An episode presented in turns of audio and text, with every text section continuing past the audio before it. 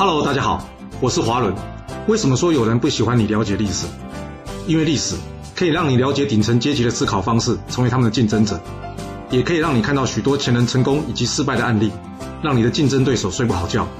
而最重要的是，历史可以让你了解人性。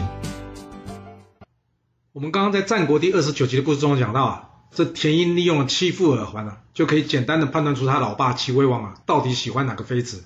进而正确的向他老爸提出他建议的王后人选，很简单是不是？是。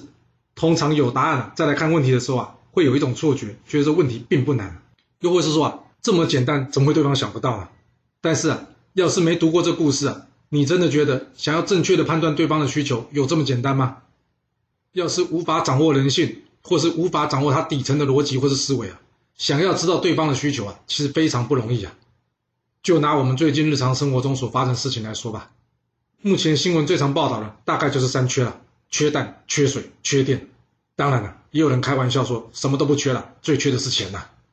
那你觉得这三缺真正的成因是什么呢？来想一想，一、二、三，是天灾吗？若是自然现象，那叫做天灾。那要如何知道是不是天灾呢？很简单，问问你自己。最近的天气环境有没有巨大变化就知道了，又或是这是禽流感？若是我是说若是啊，若是这禽流感的问题啊，各国都有，但却只有我们这里出现缺蛋问题，那这问题还算是天灾吗？又或是它是人祸呢？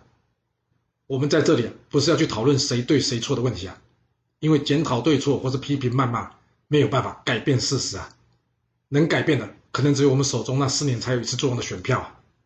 在这里要说的是什么？底层的思维或底层逻辑啊？什么东西啊？三缺跟底层逻辑有底层思维有什么关系啊？当然有啊！这底层的逻辑啊，应该才是这问题真正发生的原因呐。简单来说，想一想，要是让你来管事，你明明知道会挨人家骂的事，你为什么还让它发生？傻了吗？啊，要是傻了，恐怕做不到那个位置啊。既然不傻。那还会有什么原因让你这样做呢？你只要想，人性都会趋利避害，就像这齐威王啊，他不自觉的将这最好看的耳环送给他最喜欢的妃子一样，这也是一种人性啊。所以换句话说，要是挨骂有好处，那挨骂就没有那么严重了，不是吗？能往这想，你就能再往下思考下去，这三缺的形成原因可能是什么？没错，极大的可能是有好处。或是说有利益，这些原因形成的背后呢，谁会有好处，或是说好处归谁？而为了让这群人呢能继续有好处，接下来政策会如何执行？然后这政策会如何影响我们？最后就是我们要如何拟定对策来应应这个未来的政策？除非你是政治人物，有能力或是影响改变这一切，要不然，身为一般平民百姓的我们呐，所需要的应该是如何提早发现问题，了解问题，进而拟定对策，不是吗？回到我们之前说，俄乌战争通货膨胀何时结束的那一集啊，我将这节连接放在说明栏中，有兴趣的可以去听听看。有这里面内容啊，或许你就能知道这三缺底层逻辑是什么了。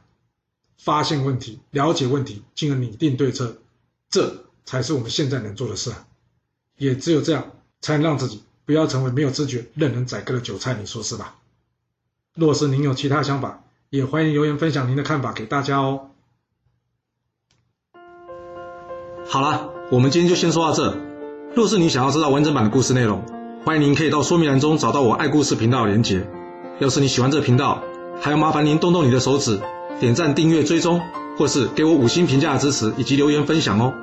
谢谢您来收听，我们下次再见。